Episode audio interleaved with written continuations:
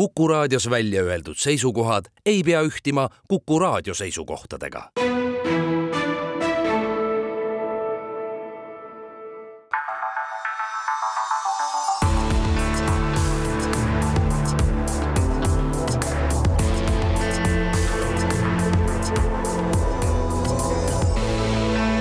olukorrast ajakirjanduses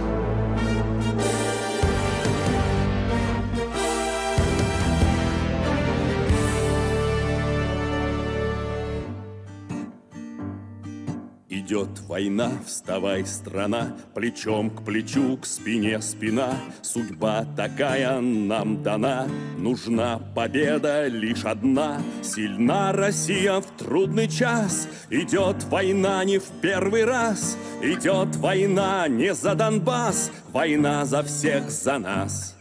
А враг стоит уж у дверей. За русский мир вставай скорей. Калмык, татарин и еврей. За жен, детей и матерей. Идет война, война идет. Вставай, великий наш народ. Вставай, как в сорок первый год. И нечисть не пройдет. Вставай, Россия, святая сила. Вставай, страна на смертный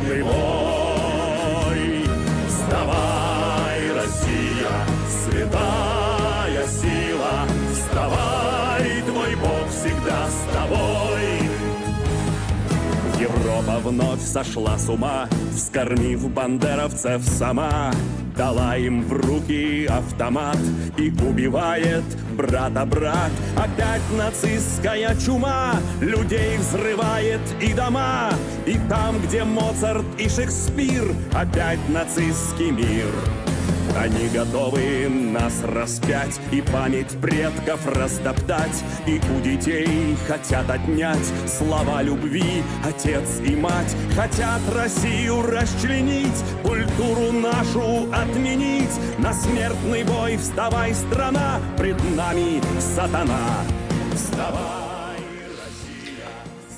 taas eetris saade Olukorrast ajakirjanduses. ja, ja Kuku raadio eetrit ei ole kaaperdatud, kinnitame meie kuulajatele, Kuku raadio eetrit ei ole kaaperdatud, see kõik oli mõel, mõeldud tagamõttega. niisiis, vanamehed viinavabriku kõrvalt käsitlevad natukene seda teemat, millest kirjutas meil ajaleht Postimees kolmapäeval, neljateistkümnendal juunil ilmus pisike uudisnupp BNS-ilt.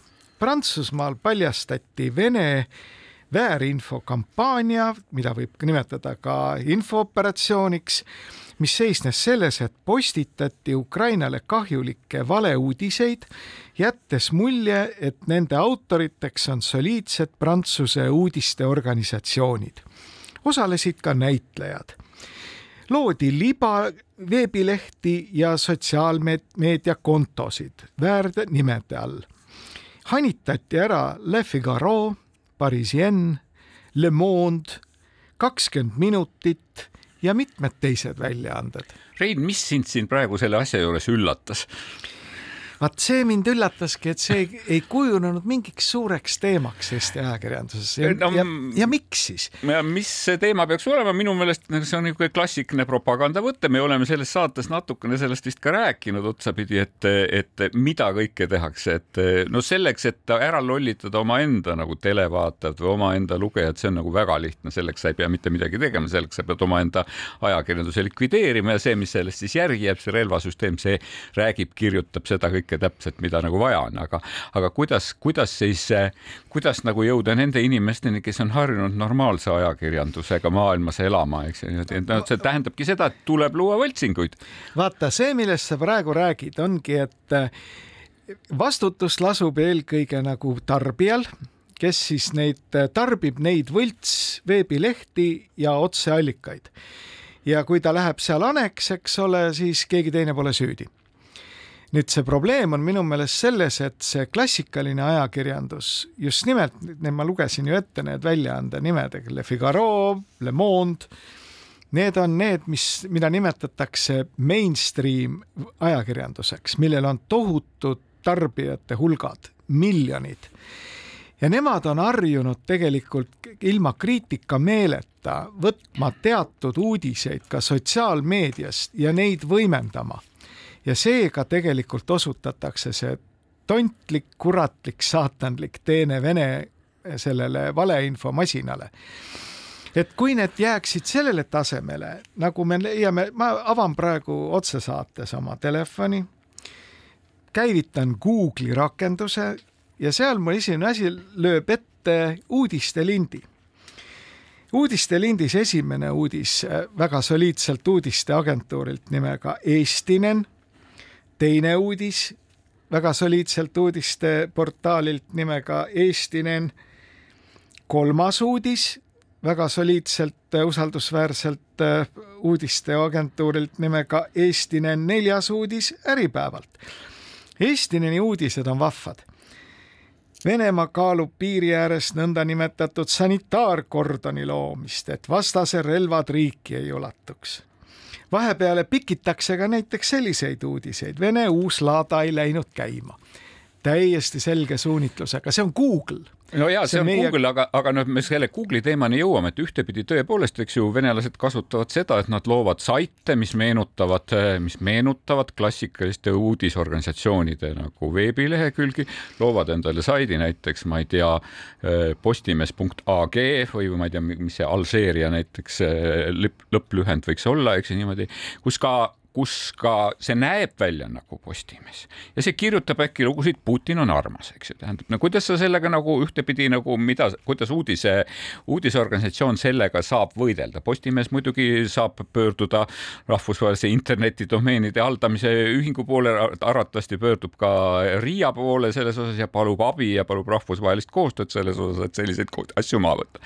teine asi on nüüd nagu see, et, et tavaline inimene kui ta tarbib mis tahes meediat, näiteks, et see, see ei pruugigi olla, et ta läheb kusagile otsima kohta, mille nimi on postimees.ag, vaid et talle lihtsalt näidatakse mingisugust just nagu viidet sotsiaalmeedias, mille on kusagil meie sõbrad Kremlist kinni maksnud, eks ju, levitanud kas otse või kaude, eks ju niimoodi ja talle jääb mulje, et tõepoolest Postimees kirjutaski seda lugu, noh ja, ja kaudselt kujundatakse asja.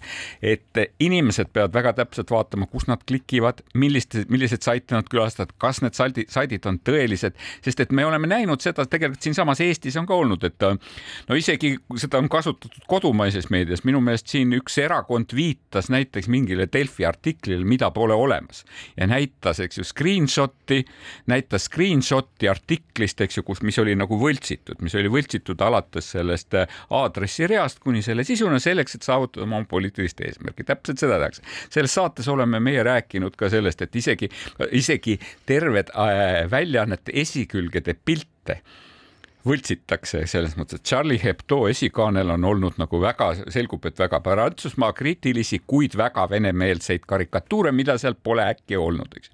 ja siis nüüd uus tase on tõepoolest see, et, et levitatakse teated, et välismaine väga korralik populaarne väljaanne on, eks ju, tähendab kirjutanud midagi, eks ju niimoodi, näiteks kirjutanud seda, et Ukraina vägede staabiülema pool pead on kusagil läinud ja seda lapitakse Saksamaal kokku ja see väljaanne peab pärast, eks ju, tähendab niimoodi kõikide oma lugejate ja mitte üksnes kõikide lugejate, vaid ka avalikkuse ees tegelikult avalikult teata, me pole seda kunagi teinud, me pole sellest kunagi kirjutanud, eks ju niimoodi. no nii nagu pildiga siin nädalavahetusel on juhtunud, eks ju niimoodi, et väljaandena oled sa suhteliselt jõuetu ja alles siis tuleb neljas, tuleb nagu neljas tase, see on see, et, et kui teised väljaanded peaksid selle triki ohvriks minema, aga ma ei ole väga kindel, et tegelikult väga korralikud väljaanded väga sageli selle, selle triki ohvriks lähevad, et kui kui Le Parisien või Le Figaro midagi kirjutad, siis Le Monde, eks ju, selle kohe nagu hetkegi kõhklemata ära avaldad. küll aga suunatakse seda minu meelest väga nagu teravalt nendel prantsuskeelsesse Aafrika riikidesse,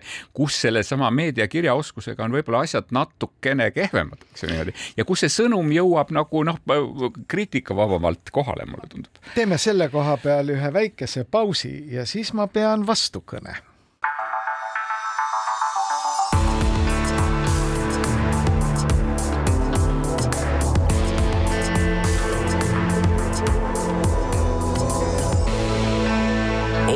olukorrast ajakirjanduses vanamehed viinavabriku kõrvalt mängivad täna veidikene rohkem muusikat. meil on äh, hooaja viimane saade, sellepärast me oleme otsustanud rihma, rihma, rihma juba kergelt lõdvemaks lasta. ega raadiokuulajad ootavad ka meilt muusikat, aga mida, miks me seda mängime, on just täpselt see, et me nä tahame näidata, millise professionaalsusega tegelikult venelased kulutavad raha et mõjuda kuidagimoodi lääne inimeste hingedele. meie alguslugu, aga me, see alguslugu oli küll rohkem määratud siseriiklikuks jaa, aga ei maksa arvata, et seda ei mängita nüüd väga paljudes kohtades ka väljaspool Venemaad, meiegi mängisime, eks ole. aga nüüd see, mida sa rääkisid, et see neljatasandiline väärinfo levik. Ja sa tood selle kõige viimaseks näite, et no need suured ja professionaalsed meediamajad, ega need ju aneks ei lähe. Et need on need, mis on see suur filter, eks ole, et noh, et kaitsta tuleb inimesi selle võõr, vale äh, saitide ja vale lehekülgede eest. aga no et ega see, need ei mõju suurtetele toimetustele, mina ütlen, et mõjuvad ikka küll nad murravad tegelikult läbi nende suvereporterite ja rumalate reporterite ja lollide toimetajate kaitsemüürist, kus väikese töötlusega ilmubki kõikvõimalikke huvitavaid materjale. näiteks ma toon näite peale seda, kui nüüd äh, venelased lasid puruks äh, Novakahovka tammi, mille kohta nüüd viimaks on ka New York Times öelnud väga selgelt ja otse. sellega sai hakkama Vene armee. aga mis siis juhtus? tamm katki, ökokatastroof täielik ja nüüd siis kahtlev ajakirjandus üle terve maailma hakkab äkki ajama mingisugust imelikku soga sellest, kuidas tamm läks ise katki. ei no Rein, aga, aga küsimus on selles, et mida sa siis nagu ootad, et kas sa ootad ajakirjanduselt seda, et ta nagu kõigepealt ütleks, pärast mõtleks ja siis alles otsiks tõendeid ja otsiks fakte. et mulle tundub, et see ei ole päris ajakirjandus, et selle koha peal, et, et kui me nagu vaatasime, et kui sellesama tammi õhkimise järel, eks ju, tegelikult need arvamused olid niimoodi ju väga, tõepoolest olidki kahtlevad, et venelased ütlesid, meie pole teinud, ukrainlased ütlesid, meie pole teinud, eks ju. järgmine ajakirjandus tegelikult noh, nagu ka tegelikult ükski ametnik isik ei saanud väita midagi selget, sest millele tuginedes seda väid. ajakirjanduses hakkas otsima inimesi, kes hakkasid andma hinnanguid, hakkasid andma hinnanguid, et tõenäoliselt võisid need olla venelased, sest nende kasu sellest üleujutusest oli suurem, eks ju, aga on võimalik ka teisipidi. järgmisena, alles tükk aega hiljem tõi Ameerika luure välja satelliidifotod, mis näitasid seda plahvatust teatud kohas tammis, eks ju niimoodi ja alles pärast seda, eks ju, tulid olid eksperdid, kes ütlesid, et plahvatust selles kohas said toime panna ainult venelased, sellepärast et juurdepääs sinna on ainult, eks ju, Vene poolt, eks ju, et ajakirjandus ei saa ju nagu puhtalt, eks ju, sisetundest lähtudes, eks ju. aga nii see kohe päris kindlasti ei ole, nagu sa räägid see, et Novakahovka tammi toimetasid venelased lõhkeainet, oli ka ajakirjandusele teada, selle kohta olid kõikvõimalikud tõendid juba olemas. kahekümne nelja tunni jooksul ei ole ühelgi maailma ajakirjandusorganisatsioonil eriti keeruline leida üles need sõjandusspetsialistid, kes võivad sajaprotsendilise kindlusega väita, et mingisugune üksik ära eksinud Ukraina rakett seda tammi katki ei tee ja kõik need argumendid, mis tulevad mitu nädalat hiljem, tulevad ja kui me vaatame, kuidasmoodi see uudis nagu arenes, siis jah, Ameerika Ühendriikide luureteenistus paljastas mingisugused pildid, sest et lihtsalt see jutt, ülemaailmne jutt, kuidas tamm läks ise katki või ma ei tea, rott näris kaabli läbi hakkas nagu segama juba seda info no jaa, välja.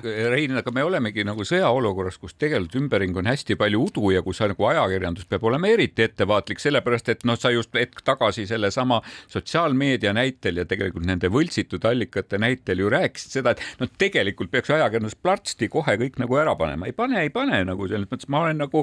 ma olen siis, selle, siis ma olen selle, ma olen selle ettevaatliku lähenemise poolt väga selgelt ja, ja noh, seal on muidugi teine asi, et tõepoolest selle ettevaatliku lähenemisega kaasneb tõepoolest see, et sa võid tarbetult võimendada kõiki neid, neid teisi versioone, mille nagu eesmärk ongi, et, et tõde ei ole niisama lihtne, et see, et võib-olla kõik nagu see kõik võib olla teistmoodi. õpetatud sõber õigust räägib antud kontekstis. et, et see, see on ongi, ka üks osa sellest et, propagandast, aga, aga teades, me oleme väga keerulises olukorras, me peame, ajakirjanikud peavad olema targad, ka kuulajad ja lugejad. Vene sõjamasin teab seda millest sina praegu räägid, et on piisavalt äh, et lääne ajakirjanduses on piisavalt nii-öelda kriitilist mõtlemist ja võetakse piisavalt palju aega, et anda edasi fakte, siis selle aja jooksul jõuad sa tegelikult üle ujutada kogu inforuumi mingisuguse jamaga, millel on väga rasked tagajärjed. no paratamatult seda, see ei ole nüüd ainult Ukraina sõja konteksti, kontekstis öeldud, et vale jõuab maakerale kaks tiiru peale teha, enne kui tõde püksid jalga saab, et aga paratamatult ajakirjanduses me peame lähtuma faktidest ja mina ei saa nagu ajakirjandust selle koha peal küll süüdistada, et ta kõigepealt plartsti oma sisetunnet ära ei avaldanud, vaid et ta oli väga ettevaatlik. ärme räägi siin sise tundest, ma ütlen, et kahekümne nelja tunni jooksul ei ole ühelgi suurel ajakirjandusorganisatsioonil mitte mingisuguseid takistusi, et jõuda asja tuumani, mitte ajada mingit segast juttu, et me siin edastame mitme poole erinevaid seisukohti. no jaa, aga, aga tõsi on, tõsi on tõepoolest see, et seda udu on ja seda udu ei tule ainult Venemaa poolt, seda udu tegelikult tuleb ka Ukraina poolt, eks ju, ja noh, see ongi nagu üks osa sõjategevusest, eks ju. me ei saa kumbagi poolt süüdistada, see on üks osa nagu nende, nende taktikast, eks ju, aga lihtsalt ajakirjandus peab selle udu sees orienteeruma. mitte ainult orienteeruma, vaid ka käituma vastavalt sõjaolukorrale, kus ei ole aega nädalate kaupa tegelikult otsida kuskilt mingisugust valemeid. sa pead olema võimeline omaenda vaatajaskonnale, kuulajaskonnale, lugejaskonnale anda adekvaatset informatsiooni ja selle kohta, kui mingid tüübid lasevad õhku rajatise, millel on kaugeleulatuvad ökoloogilised tagajärjed, siis nädal aega ajada mingisugust segast juttu, eks ole, et tamm läks ise katki, on minu meelest ikka üsna imelik. ma tahaksin väga otse-eetris ja... küsida tõepoolest, et kes siis ikkagi Nord Streami õhkis, eks ju, aga ma tean, et vastust teab vaid tuul. no vot, aga nüüd me ka näeme, et iga kord, kui näiteks sellesama Novakahovka tuules ilmusid taas jälle, eks ole, kõikvõimalikud uudised selle kohta, kuidas Hollandi luure omakorda võttis ühendust CIA-ga ja CIA hoiatas ukrainlasi ja kõike muud. ja me tuleme nüüd korraks sellesama Google'i juurde. Google, mis on praktiliselt iga Eesti nutitelefoni kasutaja tööriist ja väga paljud inimesed tegelikult ei telli ajalehti, vaid võtavad oma teabe sellest samast Google'i infolindist ja, Google ja mis me ja, ja, ja firmalt, on nüüd, firmalt on, Eestinen. ei, aga Google on nüüd rakendanud ka tehisintellekti ja lubab, et ta edaspidi otsingu tulemused saadab sulle üldse mitte nagu linkide kogu, et vaat Postimees kirjutab seda, eks ju, tähendab ju niimoodi uued uudised kirjutavad seda, vaid ta saadab sulle ka toreda sidusteksti, kus Google'i tehisintellekt on sulle juba vastuse vormistanud, lähtudes sellest, mida Postimees ja Uued Uudised oma, oma kodulehekülgedel on teinud ja nõnda kaob ära tegelikult see nagu see allika puhtus. ehk et lugeja enam ei saa aru, kust see info pärineb, eks ju, tähendab äh, pärlid on saastaga segatud, eks niimoodi. meie oleme sellest, meie oleme sellest Eestineni teemast omaenda saates rääkinud kolm korda. räägime nüüd neljandat ma ei ole näinud üheski Eesti suures ajalehes ühtegi analüüsi selle kohta, mis putka see niisugune on kes on ennast muntserdanud Google'i uudislinti number üheks ehk tõsiselt äh, suureks infoagentuuriks, kes hea... seda toimetab, mis värk on? hea Google, kui sa meid kuuled, anna Reinule selle kohta vastus. hea Google, ole nii kena aga no tõe, tõemeeli, et, et no see sõda tegelikult näitab välja, näitab ära meie need nõrgad kohad just selles mõttes ja, ja sedasama, et, et kui nõrgad oleme me selle propaganda suhtes ja kui mitmekesine see propaganda on. siin ju kirjeldati seda, et klassikaliselt, et propaganda ei ole üksnes see, et, et ütleb Reinule, et, et särk su seljas on musta värvi, kuigi see on valge, eks ju niimoodi. et kui sa seda uskuma ei jää, sest Reinul on praegu valge särk seljas niimoodi, et, et siis järgmise tasandina ta püüab nagu sulle nagu tekitada sinus kahtlusi, eks ju, tavaliselt. ta tekitab sinus kahtlusi, et mina ainukesena näen, et Reinul on seljas musta värvi särk või valget värvi särk, eks ju niimoodi.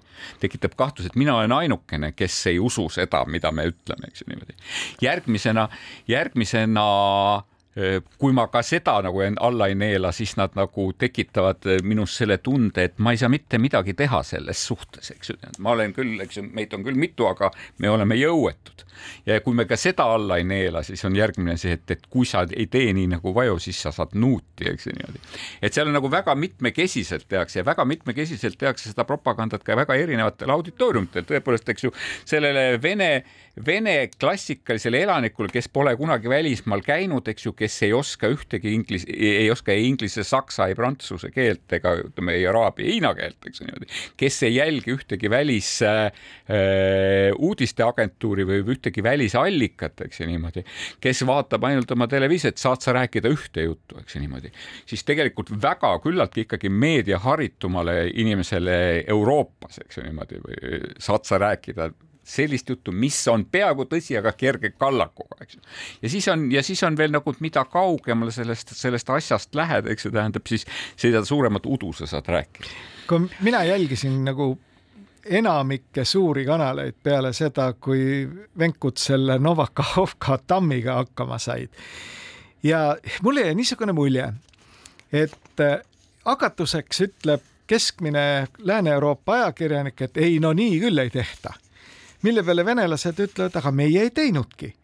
mille peale siis keskmine Lääne-Euroopa ajakirjanik ütleb, no näete nii ju ei tehta ja venelased ütlesid ka, et meie ei teinud, ju ta läks ise katki. no õnneks on olemas sotsiaalmeedia, sotsiaalmeedias ikkagi nagu väga mitmed Vene niisugused juhtiv, isegi Riigiduuma liikmed ja, ja mingisugused kohalikud, kohalikud valitsejad on kiidelnud sellega ja täiesti juhuslikult ennast sisse rääkinud sellesse. nii, aga me jõuame oma saate poole peale ja nii nagu me oleme lubanud, mängime täna veidikene rohkem muusikat, kuna ilm on ilus, päike paistab mõningad näited lihtsalt sellest, kuidasmoodi Venemaal käsitletakse läbi muusika, läbi kunsti seda jama, mis toimub praegu Donbassis. lugu kannab pealkirja Russki Vanka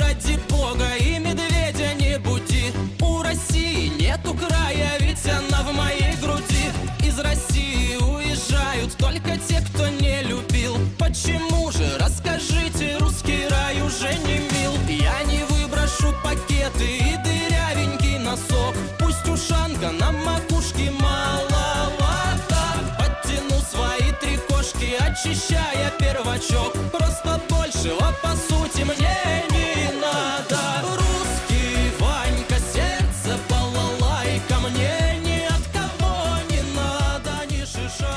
Ja siinkohal mõningad kaubanduslikud teadaanded.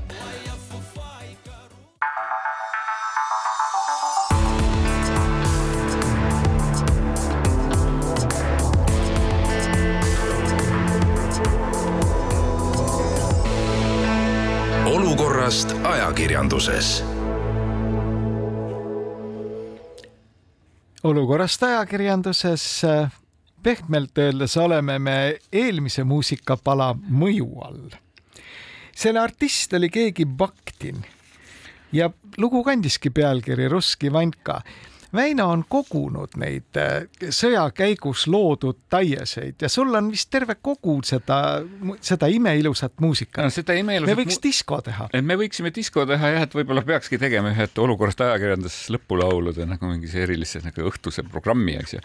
aga no muidugi osa nendest on tõepoolest väga niimoodi professionaalselt tehtud, et siin on nagu see, on tekkinud üks blondiin rastapatsidega nooruk, eks ju, kelle nimi on šaman, eks ju, niimoodi, kes tegelikult rivistab üles kõik need Vene nagu popmaailma tähed, eks ju, kes veel Venemaale on jäänud ja kes parajasti toredasti niimoodi Kremli taldu lakkuvad, eks ju niimoodi. ja, ja alati räägib tema kuulus laul on Tõuseme püsti või Tõuseme üles, eks ju niimoodi. et, et see toetab väga tugevalt seda narratiivi, et, et, et Venemaa peaks, et kõik püüavad kogu aeg Venemaad põlvili suruda, eks ju, et, et kogu aeg tuleb nagu Venemaa tõuseb sellest alandavast positsioonist püsti, et no ma mäletan, et Valeria Novodvorskaja oli kuulus Venemaa inimõiguslane ja teisitimõtleja, eks ju, et tema, tema hea meelega alati levitas seda toredat anekdooti, et kuidas see oli, et lääs püüab iga hinna eest Venemaad põlvili suruda, püüab ja püüab, aga too muudkui lamab ja lamab edasi, eks ju. et suhteliselt, aga kasutatakse seda muusikat väga toredasti tegelikult selle nii-öelda patriootlike tunnete tekitamiseks, natuke natsionalistlike tunnete tekitamiseks ja kogu selle asja õigustamiseks on püütud. no meie alguslugu püüdis ka nagu olla Lebedev Kumatši Püha sõja moodi natukene, aga, aga ei tulnud väga hästi välja, mulle tundus, et jäi puudu nii, jäi puudu nii tegelikult sellest sisust ja jäi puudu ka nagu muusikalisest poolest. Ja ainukene, mis alles jäi, oli minu meelest, et kõik need klassikalised jutupunktid, et selles algusloos oli ka, et, et meil on püha sõda, jumal on meie meiega, eks ju, tuleb võidelda saatanaga, see saatan on seal läänemaailmas, eks ju, see läänemaailmas, kus fašism lebab, levib, eks ju, tähendab nii Mozarti kui Shakespeare'i kodumaal, eks ju, enam-vähem niimoodi tõesti. ja kui me teisiti ei saa seda kõike edastada lääne inimesele, siis ehitame Narva jõe teisele kaldale suure lava ja, ja tuututame sealt otse siis Narva elanikele. ma mäletan, et aasta tagasi, et täpselt samamoodi hooaja viimases saates me mängisime enda arust väga suure naljaga pooleks, mängisime kõiki neid lugusid, mis Vene, Vene selles estraadis kolme jutumärgiga andku Artemi, Artemi Troitski mulle andeks, eks ju, tähendab, et me seda nagu muusikaks nimetame, aga et mis rääkis tuumasõjast, need laulud, eks ju, et kuidas me kohe-kohe pommitame Washingtoni maatasa, kuidas me kohe-kohe, eks ju, tähendab, pühime maa pealt, eks ju, selle, need kõik need kapitaalid kapitalistlikud jättised ja me toona arvasime, et inimesed, kes selliseid laule kirjutavad, et nad nagu teeme, noh, et nad on, nad teevad enda arust nalja, aga, aga mida aeg edasi, et seda rohkem nagu tekib mul tunne, et, et see oli ikka ikkagi siukse vene hinge tõeline väljendus. no eks mõned teevad ka kindlasti nalja ja küüniliselt võtavad selle eest raha vastu, aga eh, minu arvates sellel tegevusel analoogsete lugude levitamisel ja ka nende väärinfo eh, operatsioonidel on üks oluline asi, mis on jäänud nagu tähelepanuta. see oskab tekitada hirmu. selle kohta on ju ka Imbi Paju kirjutanud oma suurepärase raamatu, eks ole, et milles oli selle allaheitlikkuse üks põhjuseid, see oli ikkagi hirm, hirm mitte vastu seista sellele kõigele. sa oled üksinda, sa ei saa midagi ja teha ja kui sa midagi teed, siis me elada. paneme su vangi ja anname peksa. ja see hirm mingi koletise ees, eks ole, mis põhjustab mingit teatud käitumist. Nõukogude ajal ju peeti päris loomulikuks, et Nõukogude süsteemiga tuli kuidagi kohaneda, tuli kuidagi ära elada ja täna väga paljud inimesed, kes nii tegid, on langenud ka üleüldise põlu alla, aga kas seda hirmusündroomi, kas see kajastub mingil moel ka Eesti ajakirjanduses, kas see kajastub Eesti poliitikas? ja mina julgen väita, et jah, kajastub küll. ega siis see Harri Raudvere poolt üles pandud uus poliitiline partei, mis võtab kätte ja toob lagedale mõtte, et venelastega tuleb hästi läbi saada, minu arvates on see üksnes ainult hirmusündroomi tekitatud nähtus ja elame-näeme, kui paljud nagu sellega kaasa lähevad ja ma arvan, et ega see hulk ei ole nüüd nii väga kaduvväike. Neid ma jutte, tahaksin jääda teisele arvamusele. sa ja ei loomulikult, aga ütleme, et poe taga me kuuleme ikka ju niisuguseid jutte, et ärme seda venelast nii väga pahanda, äkki tuleb pahandus, eks ole siin äh, üks Eesti suur poliitiline partei, mis praegu on opositsioonis ju valimiskampaania käigus väga tihti rääkis, et meid ei tohi tõmmata sõtta, me teeme kõik selleks, et meid ei tõmmataks sõtta sõtta. No, nagu see oli, ei oleks meie sõda. eks see oli ka üks osa sellest narratiivist, mis siin tegelikult me nägime nii Euroopa Liidus kui ka NATO poole peal, kus nagu iga hinna eest tegelikult seda konflikti mitte eskaleerida, eks ju, soovisime ja et ei tekiks tunnet, et meie oleme osalised, eks ju, tegelikult ka nagu NATO nagu kõhklev, kõhklev positsioon alguses nagu minu meelest nagu võimendas seda narratiivi. aga ma ei nagu ei, ma nagu üle seda ei tähtsustaks, sest sina ütled, et see on hirmunarratiiv, ma ütleks nagu vastupidi, palju hullem tegelikult, kui see narratiiv narratiivina, mis see siis on, et ma lähen nagu kolme mehega teen nad nagu maatasa. seda, vot sellist narratiivi võib sealt poe taga ka samamoodi, eks ju, kohata. ja ma ei tea, kumb nendest nagu nüüd nagu on parem, eks ju, et ma ei julge neid kuidagi võrrelda selle koha peal, et need on üks... no see paratamatult viib juttu soometumise peale, eks ole, et kas peale teist maailmasõda Soomel oli mingisugust muud teed ka kui see, mis ta valis, ehk sõlmis Nõukogude Liiduga vastastikuse abistamise ja koostööpakti, mis omakorda mürgitas seda Soome ühiskonda, mis päädis seitsmekümnendatel aastatel sõna otseses mõttes lömitamisega Nõukogude Liidu ees läbi kõikvõimalike organisatsioonide ja mis on Soome ühiskonda üsna kõvasti vapustanud, just need ajaloolised kirjutised, mis kõike seda paljastavad tänasel päeval aga hüva, räägime natukene Eesti äh, olukorrast ja ajakirjanduses kajastuvast Eesti poliitilisest situatsioonist ka.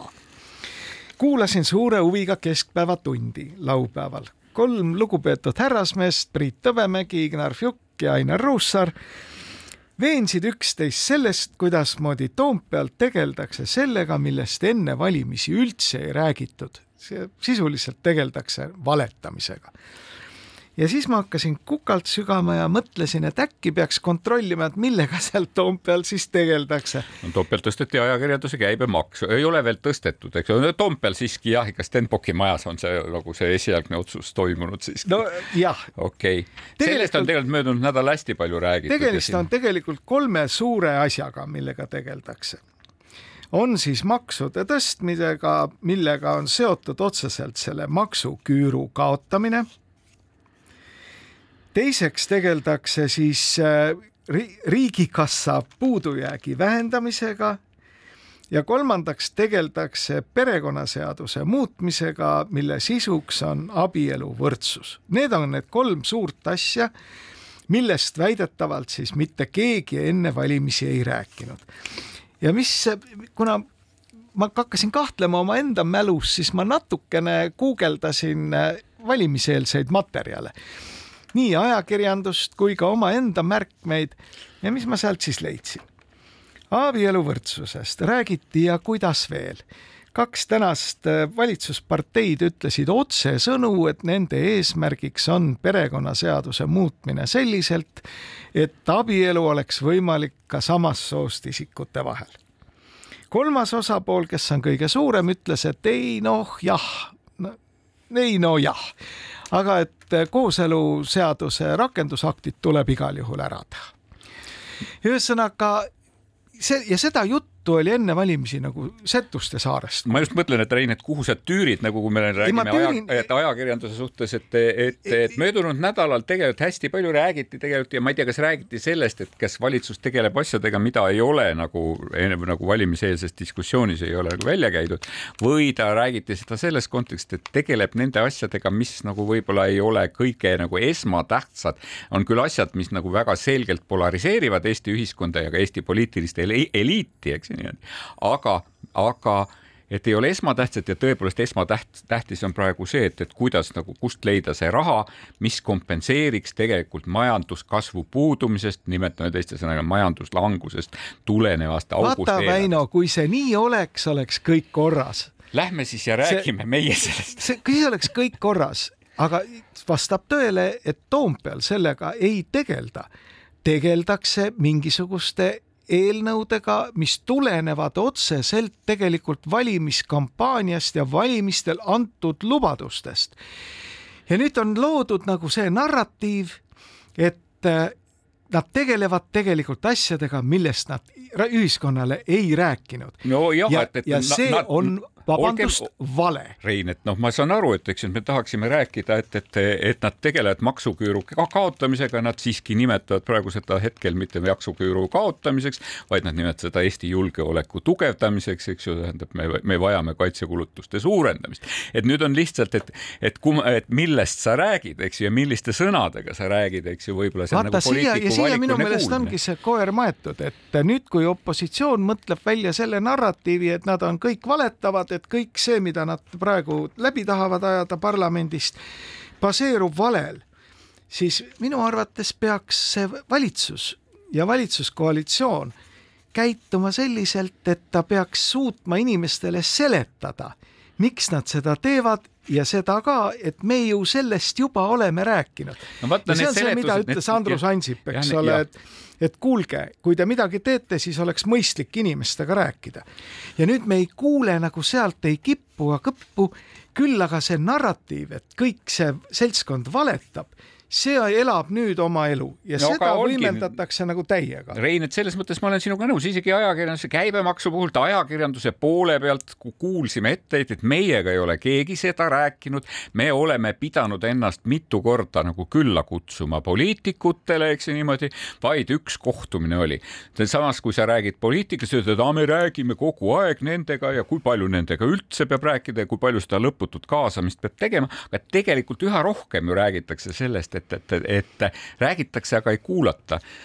see oli see Anvar Samoste intervjuu Priit Hõbemägiga, kus ühtepidi võib-olla tuli juttu sellest, et võib-olla ma ei tea, kohmakalt või mitte öelda, et riik ei, ei, ei karda enam ajakirjandust, aga kirjas oli ka, et riik ei ei noh, ma ütlen, et riik pigem nagu ei reageeri ajakirjandusele. sellest hakkame kohe rääkima pärast väikest pausi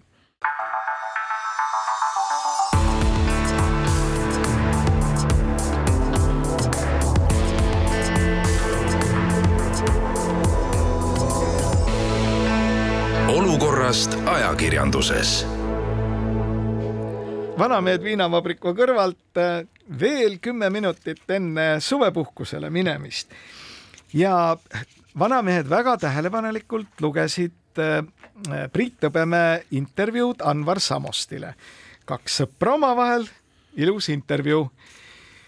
palju asjalikku juttu, palju asjalikku juttu ja mis oli siis ka pealkiri, mis sellest välja korjati, oli see, et Priit Hõbemäe arvates on saabunud kahetsusväärne periood, kus valitsus enam ajakirjandust ei karda. mina hakkasin siis mõtlema, et aga, aga miks peaks valitsus kartma ajakirjandust?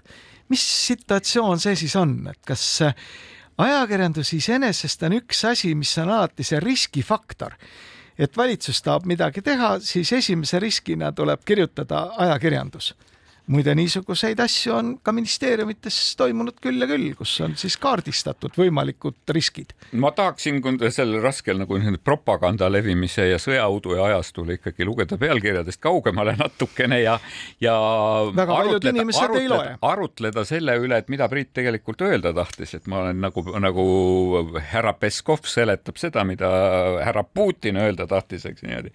et ta, et ta tegelikult minu meelest ütles seda, et, et valitsus ei kuula ajakirjandust, et see mõte oli päris selgelt, et, et tavaliselt ajakirjandus, võib-olla ühtepidi ta al alustas sellest mõttest, et Eesti ajakirjandusel ühtepidi on puudu natukene sellisest äh, kuidas ta ütles, agenda dikteerimise tahe oli selle asja nimi vist, et tähendab tahe olla ise mingisuguse suure muutuse eestvedaja ja sealt tulenevalt tuli, noh, ütles, et tegelikult äh, rääkides suurtest meediajuhtidest, et, et võib-olla nagu ei ole nii suuri meediajuhte, kes oleksid nii suured egod, aga ütles, et niisuguseid egosid ei ole ka Eesti tööstusel, kellel on häda, et Eesti Vabariigi valitsus ei karda neid, loe siis, et ei kuula neid. samasugused probleemid on Eesti teadusel kus selgub, et Eesti eh, teadlasi, Eesti akadeemikuid eh, ei kardeta ehk ei kuulata. samasugused probleemid on Eesti kõrgharidusel, kus, eks ju, sa võid olla küll nagu Eesti vaimse eliidi eesotsas, sulle võib alluda, eks ju, Eesti suurimad kõrgkoolid, kuid sind ei kardeta, loe, ei kuulata ja nüüd nagu tegevus, tegemist, et kui meil on nii olulised valdkonnad, keda ei kardeta ja ei kuulata, et eks ju, et siis, et kas küsimus on nendest, et keda, kes ootavad, et neid kuulatakse või kuulda võetakse või küsimus on nagu mingi milleski laiemas. minu meelest Andrus Ansipi intervjuule sa viitasid siin just meie varasemas jutus, et Andrus Ansip ju ütles ka, et kuulake, kuulake, rääkige, ära löö last, räägi temaga, eks ju niimoodi. et see on minu meelest väga omane, see on omane nii poliitilisele debatile praegusel hetkel, et ei kuulata, ei taheta kuulda ei taheta kuulda võtta, ei taheta ära kuulata, aga minu meelest näiteks parlament on ärakuulamisel. mina oleksin väga ettevaatlik selle võrdusmärgi panemise, kartmise ja kuulamise vahel. üks on ikkagi see, et, et ega see, et ei, ei ole päris niimoodi, et ei kuulata, ma arvan, et kuulatakse küll, iseasi on selles, et kas neid asju, mida räägitakse, kas neid arvestatakse, kas neid alati peab arvestama minu arvates igat alati ei pea arvestama. kuulata, kuulama peab, sellega ma olen täiesti nõus et noh, situatsioon, millest nüüd praegu on ka jõudnud äh, siit-sealt väikest informatsiooni, et Kaubanduskoda ei pääse nagu rahandusministeeriumis jutule. et see on nagu kahetsusväärne, et niisugust asja küll olla ei saa, et noh, ei kuulata. Kas tingimata arvestama peab, on hoopis teine teema. ja nüüd äh, minu meelest see Eesti värk on jõudnud sellisesse ajajärku kus igaüks ajab oma asja nii jõuliselt, kui ta vähegi suudab kasutades kõiki meetodeid, kaasa arvatud neid meetodeid, mida kasutab Vene sõjamasin. nii valesid kui ka pooltõdesid kui ka siis suhtekorraldajate trikke ja mida iganes. Ja pärast seda siis, kui nende need narratiivid ei ole leidnud sajaprotsendilist omaksvõttu poliitikate väljatöötamisel, siis tullakse uue jutuga et ei, et nüüd valetatakse, et meid üldse keegi ei kuule, meid ei kardeta. no vot nende narratiivide muutumisega, no seesama ajakirjanduse käibemaks on minu meelest väga hea näide selles osas, et kuidas me nägime narratiive, eks ju, kõigepealt nägime narratiive, et sellist maksuerisust ei ole võimalik teha, eks ju niimoodi, sest et Euroopa Liit ei luba seda, kui selgus, et Euroopa Liit lubab ajakirjandusele kehtestada superkäibemaksu, siis tuli järgmine narratiiv, aga kuidas, miks teie peate saama superkäibemaksu, kui, eks ju, teised ei saa ja kõikidel teistel kõik maksud tõusevad see ei ole ju õiglane. kui selle peale hakati rääkima, et aga pankadel, pangad võiksid üleüldse maksta nagu, nagu veel kõige õiglasemad, sama palju kui teised, eks ju, siis muutus see narratiiv jälle järjekordselt muutus narratiiviks, eks ju. see oli see nagu valitsuse poolses kommunikatsioonis ja teisipidi, ega mind häiris natukene, mind häiris natukene ka nagu see ajakirjanduse ofensiiv, nagu ikka see turm tuli täielik. aga sellest ma just rääkisingi, et tegelikult on maksku, mis maksab nui neljaks. ei no aga tundus, tunduski, et nui neljaks, et Kaja Kallas pärast nui neljaks ei sammugi tagasi ja teisipidi ajakirjandus siis nagu praegu hetkel no, terve möödunud nädala testis, et kas Kaja äh, talub ära kõiki neid pealkirju, kus äh, öeldi, et Kaja Kallas vassib ja valetab siis keegi võttis ja põrmustas Kallase väited meedia maksutõusu õigustamise kohta või keegi, kes andis avaliku vastuse Kaja Kallase ebaõidet, ebaõigete väidete ümberlükkamiseks ja nii edasi ja nii edasi. et see niisugune, ega see ei tekitanud usaldust kummaltki poolt praegu. No, ega see ongi ju lõppkokkuvõttes käibki niisugune mõnus polariseerumine ja selle polariseerumise käigus on ajakirjandusel suurepärane võimalus kogu aeg kirjutada. muideks läinud nädala üks tähelepanuväärsemaid ajakirjanduslikke materjale materjale ja kindlasti oli Ardo Pajula artikkel, kus ta tegelikult manab ette sellise apokalüptilise tuleviku, et kõik see polariseerumine võib viia täieliku kataklüsmini ehk siis keskajast teadnud ususõdadeni, mis kestsid üks kolmkümmend aastat ja teine sada aastat. ega ma väga nagu, ega ma väga kardan sellist asja, et ütleme, seesama, seesama perekonnaseaduse arutelu juba nagu ususõda natukene meenutab ja, ja, ja ma oleksin väga ettevaatlik nagu selle teema demoniseerimisega ka ükskõik kummalt poolt, sellepärast et see võib tuua täiesti ootamatuid tagajärgi ja, ja me tegelikult ju nägime, et sellesama Pride'i nädala jooksul, eks ju, tegelikult selle teema demoniseerimine viis ikkagi täiesti väga konkreetse nagu vahejuhtumini eh, selle eh, eh, geijumala sulase ründamiseni ja, täiesti nagu kõrval, kõrvaliste isikute haavamiseni, eks see tähendab, mis nagu juba hakkas mulle ka väga selgelt meenutama vihakuritegu. muideks äh, ei ole vähetähtis pisike fakt, et Ardo Pajula kirjutas oma loo mitte Postimehes. vaatamata sellele, et tähenduse teejuhid mis on sõna otseses mõttes tema loodud organisatsiooni häälekandja, ilmub Postimehe lisas. no ei saa midagi parata, sest vaatasin, vaatasin, kuidas ikkagi suurepärased eh,, kuidas Spotify pakub mulle erinevaid, erinevaid podcast'e, taskuhäälinguid erinevate kategooriate all, siis kultuuriteemaliste taskuhäälingute edetabelis pakuti mulle kõigepealt podcasti Tussisööjad ja alles pärast seda üheteistkümnendal kohal oli sinu poolt mainitud Tähenduse teejuht. ja, aga see on nagu ütleme, see sinust lööb välja praegu õhtulehe peatöötaja, aga tähelepanuväärne, mina väitsin, on tähelepanuväärne see, et Ardo ei kirjutanud Postimehes ega Tähenduse teejuhtides, vaid kirjutas mujal nii et äh, mulle tundub, et natukene hakkab see jää ka siin liikuma, et kuskil on olemas see ka keskmine tee, et ei pea tingimata olema nüüd poolt ja vastu see abieluvõrdsuse teema hakkab tegelikult ju minema nagu kummaliseks, noh, et veel ükskord üritatakse luua narratiive, et keegi valetas ja üritab vale kaudu tegelikult võimu kasutades mingi asja läbi viia, mis ei vasta tõele. Eesti suurim päevaleht oma arvamustoimetaja eesotsas taob ühte väravasse siin nädalate kaupa ühte väravasse. Nüüd me, kui me vaatame sotsioloogilisi uuringuid, siis see ei ole tegelikult Eesti inimeste jaoks teema number üks, aga valdavalt öeldakse, et võiks olla küll see võrdsus. kas see sõna peab olema abielu või mitte, on rohkem maitse asi, eks ole. aga sellest on niivõrd oskuslikult loodud selline lõhestusnarratiiv ja see võib olla väga imelike tagajärgedega. ja mul on nüüd küsimus, et kas selle narratiivi loob ajakirjandus, kas selle narratiivi loe, loob äh, poliitiline sfäär, kas selle narratiivi loob suhtekorraldus, kes seda narratiivi? no ütleme ka seda minule väga meeldis tegelikult, mida Priit Hõbemägi ütles ka keskpäevatunnis, et ainukene, kellel on väga selge ligipääs valitsemise otsustele, on suhtekorraldajate armee sellest oleme ka meie oma saates korduvalt rääkinud, et see on seltskond, kes tegelikult raha eest kujundab ühiskondlikke suhteid ja see küll ei ole nüüd nagu õige tee, et see, et Salk uurib mingisuguseid andmeid ja nende andmete baasilt teeb mingisuguseid sõnumeid jah, ta on piiripealne, aga siin ma ei näe nagu nii suurt probleemi. ma ootan aga... huviga seda erakondade rahastamise järelevalve komisjoni otsust selle kohta, et kas tegu oli nagu, kas tegu oli keelatud annetusega või mitte, et kas see oli äri, kas tegu oli äriühingu ja nende nagu poolt teenuse pakkumisega või oli see lihtsalt lihtne abi tuttavatele. aga tead sa, saade on läbi ja me läheme nüüd mõneks ajaks äh, stuudiost ära tuleme tagasi kahekümne esimesel augustil Aga esialgsete plaanide tea, järgi. mine sa tea, sõltub sellest, mis juhtuma hakkab, igal juhul me oleme valmis tulema ka varem, juhul kui selleks vajadust on. tervitame Eesti Ajakirjanikude Liidu asutamist tuhande üheksasaja üheksateistkümnendal aastal siiralt, palju jõudu ja õnne aga lõpetada tahaksime tervitusega kõigile nendele ajakirjanikele, kes, kelle mälu on Haugi omale omane, Haugile omane, kaheksa sekundit.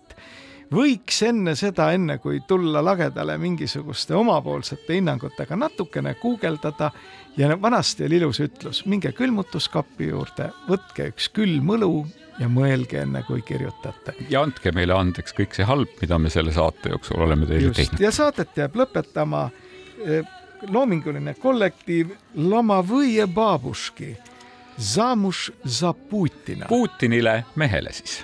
kohtumiseni. Скажите, когда мы